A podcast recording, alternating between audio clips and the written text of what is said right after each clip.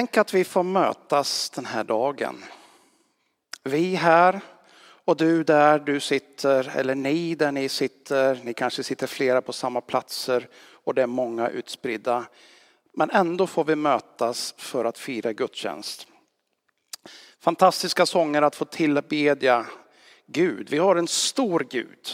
Och idag så skulle jag vilja ta med er på en liten resa. Allt ifrån skapelsen till jordens yttersta gräns och några nedstamp däremellan. Det är en svindlande berättelse som Bibeln har att berätta och vi i kyrkan vi tror ju på det som står i bibelordet. Det här är inte hela sanningen.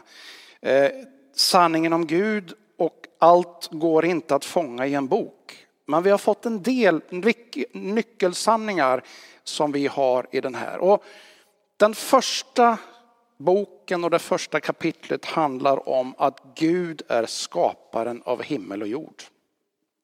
Och Gud skapade himlen och jorden och det var gott. Det säger han gång på gång i det första kapitlet i skapelseberättelsen. Men eftersom Gud är full av kärlek så måste det också finnas den här fria viljan. Tänk dig någon som inte har möjlighet att välja. Kan du verkligen lita att den älskar dig? Det måste finnas ett val för att verklig kärlek ska finnas. Och därför har Gud gjort den här möjligheten för människan att välja honom eller att välja bort honom. Och så efter en bara en liten tid, hur länge vet jag inte, men efter en liten tid enligt Bibelns berättelse så väljer människorna, de första människorna, bort Gud och går sin egen väg. Bibeln kallar det för syndafallet och det får stora konsekvenser för dem där och då, för deras relation med Gud, för sin relation med varandra, för relationen med skapelsen och för att förstå vem de är. Och man skulle kunna tro att liksom den onda makten har därmed segrat och förstört allt det fina som Gud har skapat, vår stora Gud. Men vet du, en sanning som jag vill försöka förmedla det är att det där är bara en liten parentes. Det här syndafallets konsekvenser är i Guds perspektiv bara en liten parentes.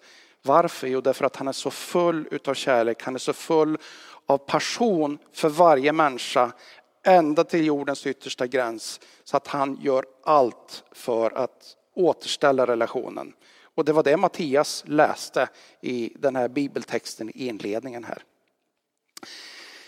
Skaparen av himmel och jord, full av kärlek och kung David, en av de här psalmförfattarna, kungarna i gamla testamentet. Han uttrycker det ungefär som så här att en dag eller en stund, ett ögonblick är Guds vrede. Alltså Gud kan förefalla vara arg för ett litet ögonblick, men hela livet räcker hans nåd. Och nåden är ju det ultimata uttrycket för Guds kärlek. Så den guden är det som vi tillber i den här kyrkan och det är den guden som jag har valt att tjäna Gud i mitt liv. Så. I den här berättelsen som kommer, där Gud väldigt snart efter att det här syndafallet har kommit, så börjar han att kommunicera sin plan. Och han väljer ett antal människor och jag vill bara lyfta fram någon eh, viktig person innan själva stora lösningen kommer. Och en av de personerna det är Abraham. Abraham är en rättfärdig person, en, en person som är intresserad av att ha med Gud att göra. Och han försöker att lyssna på Guds röst så mycket han bara kan. Och Gud säger åt honom olika saker och Gud ger honom löften. Och det verkar som att Abraham litar på det som han hör. Även om det är mänskligt väldigt knepigt. Exempelvis så får han löftet om att han ska bli ett stort folk. Det vill säga han ska få barn och ättlingar i många generationer. Och samtidigt så är han och Sara barnlösa och de blir gamla. De blir så gamla så att det liksom egentligen eh, skulle vara omöjligt eller orimligt för dem att få barn.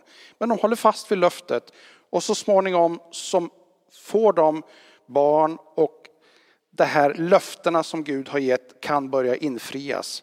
Men så ställer Gud honom på prov och det här är en svår berättelse i Bibeln. Han ställer Abraham på prov du ska offra din son. Du ska ge honom, du ska offra honom på ett altare som man brukade göra på den tiden. Man brukade offra djur, men nu utmanas han att offra sin son på ett altare och jag har väldigt svårt att förstå, jag måste erkänna det. Men innan det händer, när Abraham har visat så mycket, när Gud har sett att Abraham är villig att inte undanhålla någonting, då stoppar Abrahams, stoppas Abraham utav Gud. Och Gud säger, därför att du inte ens undanhöll din egen son, därför ska jag välsigna dig. Och alla dina generationer som kommer efter. Och dessutom så ger Gud löfte till Abraham, jag ska välsigna alla folk genom dig och din avkomma. Det är ganska häftigt faktiskt. Alla folk. Det finns ingen som är um- undantagen i det där löftet. Och Abraham beskrivs en av bland annat Hebreerbrevets författare som trons fader och är en patriark, han är en förebild, en viktig förebild för oss som tror på Jesus, oss som är kristna, men också för muslimer och för judar. Abrahams Gud tillber vi. Det Gud kommunicerar till Abraham, det här löftet om att alla folk ska bli välsignade, det har säkert många bottnar, men en av dem är definitivt den som har med Jesus att göra. Och Paulus beskriver det så här i Kolosserbrevet. Jag ska läsa några versar ifrån första Kolosserbrevet 1, första kapitlet alltså, och trettonde versen. Och det handlar om hans sons rike, det vill säga det rike som Gud har planerat genom Jesus Kristus. Han har frälst oss från mörkrets välde och fört oss in i sin älskade sons rike. I honom är vi friköpta och har fått förlåtelse för våra synder. Han, det vill säga Jesus, är den osynlige Gudens avbild, förstfödd före allt skapat. För i honom skapades allt i himlen och på jorden, synligt och osynligt.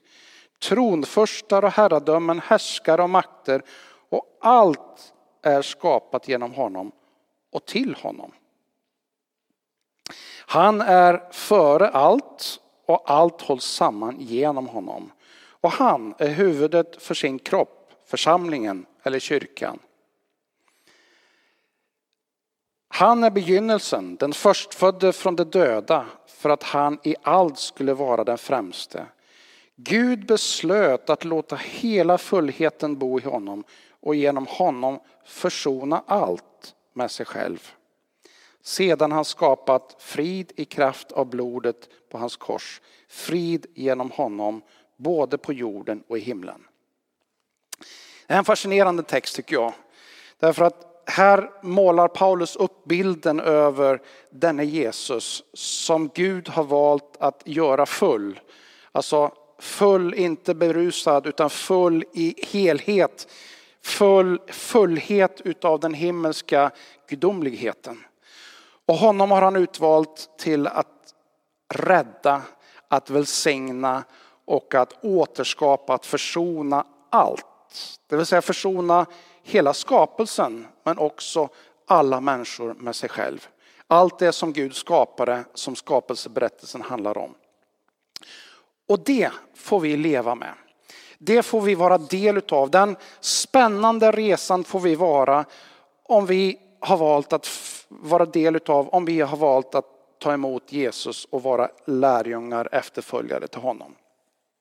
Då är det så här att inte bara vi själva får ta emot den här fantastiska försoningen och nåden som är det största uttrycket för Guds kärlek. Men också får vi vara del utav att göra det möjligt här, lite längre bort och till jordens yttersta gräns.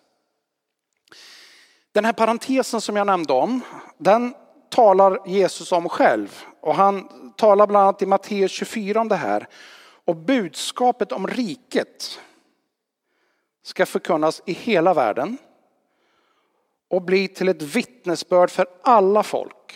Känner ni igen det? Alla folk. Löfte till Abraham, det talar Jesus om här. Sedan ska slutet komma. Det vill säga sedan ska slutet på den här parentesen som synden ledde komma. Sedan återgår det till härligheten, det som Gud från början hade tänkt. Och när Jesus har varit med sina lärjungar och han liksom summerar det viktigaste på slutet så säger han två saker. Apostlagärningarna 1.8. När ni får kraft av den heliga anden, då ska ni bli mina vittnen. Här, lite längre bort och till jordens yttersta gräns. Det vill säga att där du är just nu, där kan du få vara ett vittne. Där jag är, där kan jag få vara ett vittne.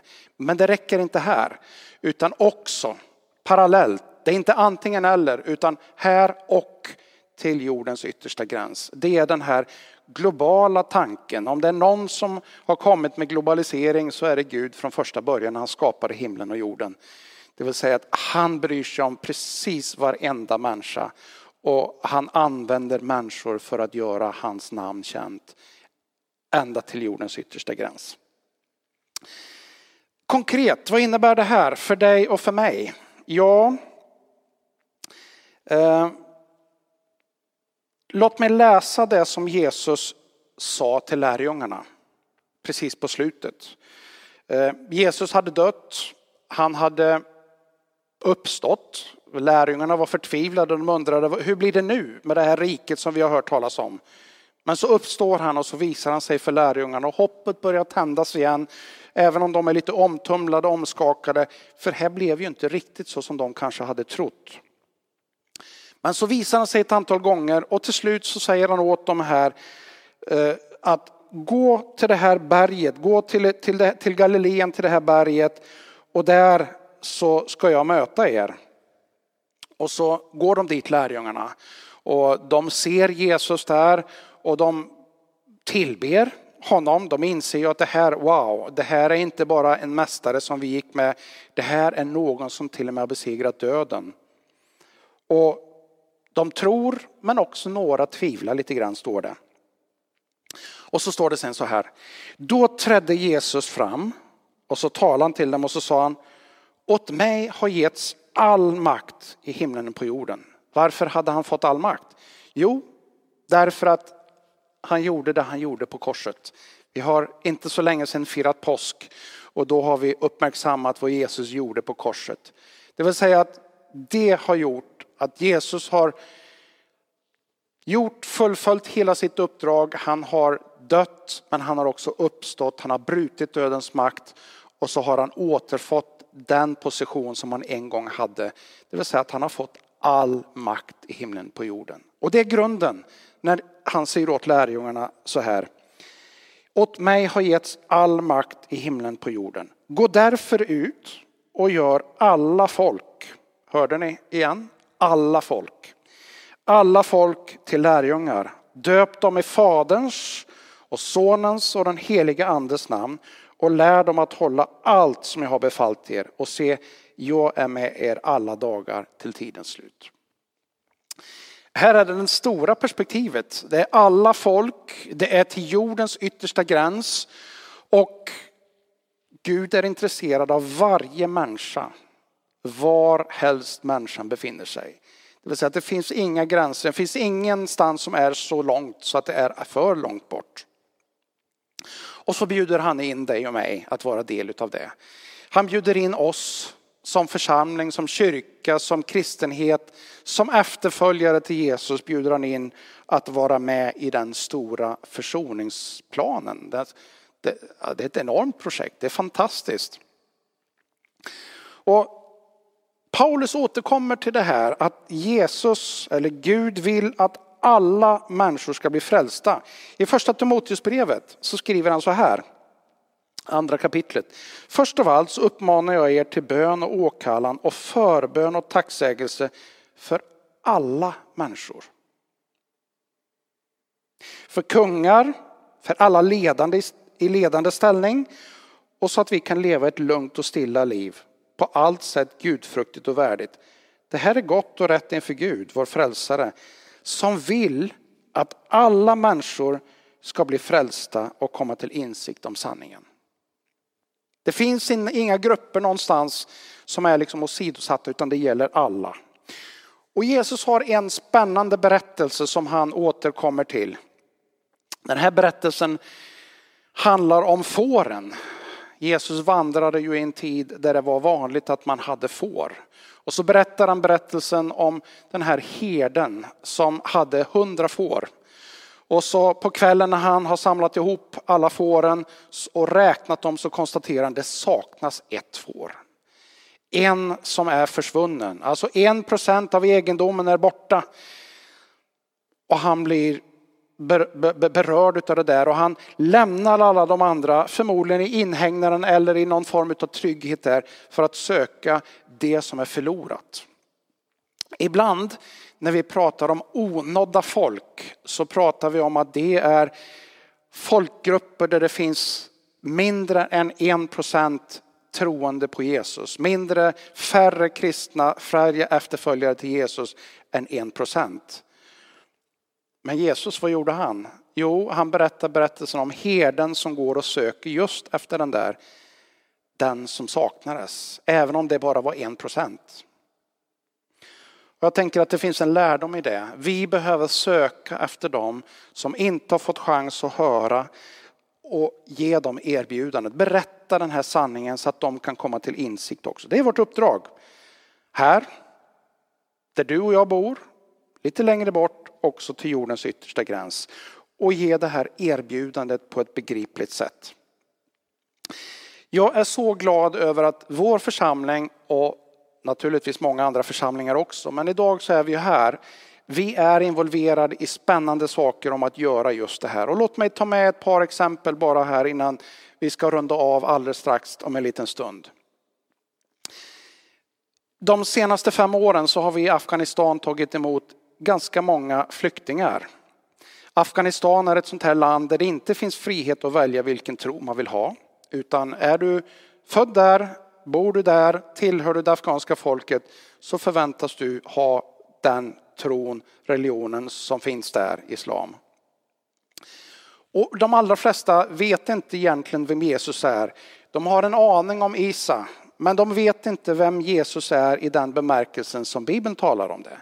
De vet inte att där finns frälsningen, där finns hoppet, där finns försoningen till att återställa till den här ursprungstanken, balansen. Och därför är jag så glad över att vi som församling får vara del i, i ett arbete som går ut på att nå till de här afghanerna, både här men som också finns i Afghanistan. Eh, I Afghanistan, eh, unga vuxna, studenter, college och universitetsstudenter. Vi har medlemmar i vår församling som är med och gör gör innehåll för webbradio och så vidare. Det tycker jag är fantastiskt. Tänk att vi här i Karlstad, genom de som har kommit hit, nu får vara med och sända brödet tillbaka dit. Det finns en bibeltext som säger så här, sänd ditt bröd över vattnet, för i tidens längd kommer det tillbaka. Och det är en sanning som jag tycker är fantastisk. Det kan du få vara med och be för. Det här arbetet, det kan du vara med och be för. Och vill du veta mer så får du hemskt gärna höra av dig. Det här arbetet kan du också vara med och, och ge till. När du ger till församlingen så kan du vara med också och ge till det arbetet om du vill. Låt mig också berätta om Swahilikusten. Swahilikusten som ligger på Östafrikas kust, någonstans i Somalia, Kenya, Tanzania och ner till Mosambik. När jag var riktigt liten, mitten på 60-talet, så flyttade min familj, mina föräldrar, mina syskon och jag som yngst till en plats som heter Korogwe som ligger i Swahilikusten. Det var ett område där det fanns väldigt, väldigt få kristna på den tiden. Och jag har, kommer inte ihåg mycket av det, men jag har hört berättelserna från mina föräldrar, vad de gjorde för att göra Jesu namn känt där. Just nu så är det här ett område med precis det vi pratar om, väldigt mycket onådda människor. Det vill säga att människor som inte har fått höra evangeliet.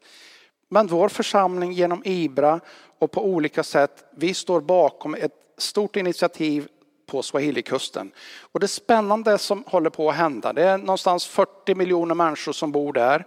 Och man räknar med att ungefär 70-75 procent av byarna i det här området, bara i Tanzania, de har ingen närvaro av någon kristen kyrka eh, eller kristna som syns på något sätt. Eh, så de betraktas som onådda. Men samtidigt finns det en stor öppenhet. Och vi är med. För ett år sedan lite drygt så var vi med här i Karlstad tillsammans med många fler i Sverige och samlar in 10 000 biblar. Pengar till 10 000 biblar. De här har delats ut, de här har distribuerats och i huvudsak så är det sådana här små bibelupptäckargrupper som har fått dem. Kanske två biblar i varje eller tre biblar och så upptäcker man. Och vet du, det finns idag någonstans mellan 1600 och 2000 bibelupptäckargrupper i det här området med det som vi annars skulle kalla onådda människor. Och jag får höra berättelser om människor som kommer till tro, som låter döpa sig och som börjar sin resa tillsammans med Jesus.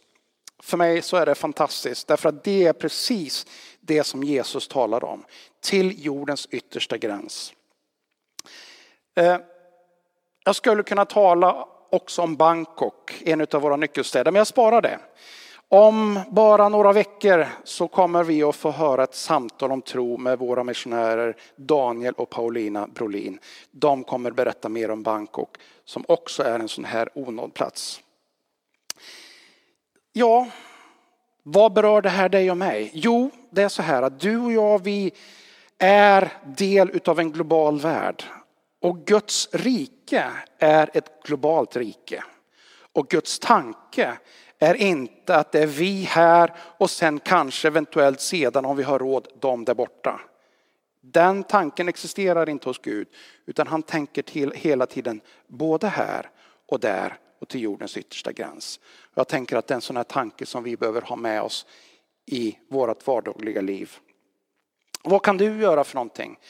Vem kan du be för? Vem kan du uppmuntra? Vem kan du försöka dela glädjebudskapet med här? Vem längre bort kan du be för? Kan du uppmuntra? Kanske du kan stödja på ett eller annat sätt? Vilken folkgrupp kan du vara med och be för? Eller på något sätt vara med och stödja för att förverkliga den här fantastiska Gudsrikets tanken. Här, lite längre bort, till jordens yttersta gräns. Guds kärleksfulla nåd ska vi be tillsammans. Tack Gud för din storhet. Och Herre, vi bara fascineras över den du är, det du har skapat och din tanke. Och Herre så ber vi bara att vi än mer ska få vara del utav den här stora rörelsen, den här stora planen, den här världsvida globala tanken av att människor ska få chans, var de än är, att få del av ditt rike, få del av ditt goda budskap, få del av din nåd. Hjälp mig och hjälp oss i Karlstad. Och hjälp alla mina vänner som är med och tittar just nu. Berör dem och ge dem uppmuntran och visa dem på vilket sätt de kan vara med i din stora plan. Jag bara ber dig och tackar dig i Jesu namn. Amen.